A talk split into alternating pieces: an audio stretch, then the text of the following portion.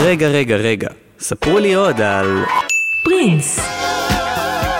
לפני שהפך לאחד המוזיקאים המשפיעים ביותר בעולם, פרינס רוג'ר נלסון היה תלמיד תיכון במיניאפוליס שמגיע לאולפן ההקלטות בכל יום אחרי הלימודים כדי לממש את אהבתו למוזיקה.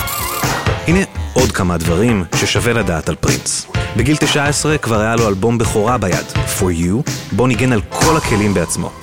לאורך 39 שנות פעילות, פרינס שחרר לא פחות מאשר 37 אלבומים. לא רבים יודעים שמעבר לכמות המרשימה של הלהיטים שיצר, פרינס אחראי גם על כמה שירים גדולים מאוד לאומנים אחרים. שיני דוקונור חייבת לו תודה,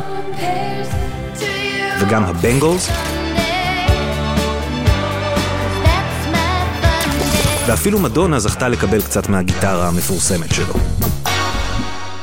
אומנים רבים בני זמננו ממשיכים את דרכו הייחודית. תוכלו לשמוע השפעות ברורות של פרינס אצל מוזיקאים כמו מרון פייב, ביונסה,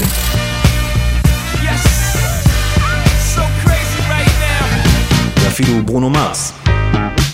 אחד הלהיטים הגדולים ביותר של פרינס, Purple Rain, בכלל נולד כשיר קאנטרי, שאמור היה להיות דואט בינו לבין סטיבי ניקס מפליטווד מק. זה כמובן לא קרה בסופו של דבר, והשיר זכה להצלחה עצומה בגרסת הסולו.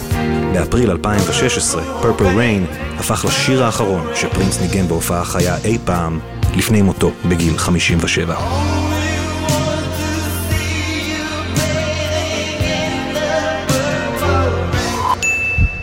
מוזיקה זה גלגלצ. גלגלגלגלצ.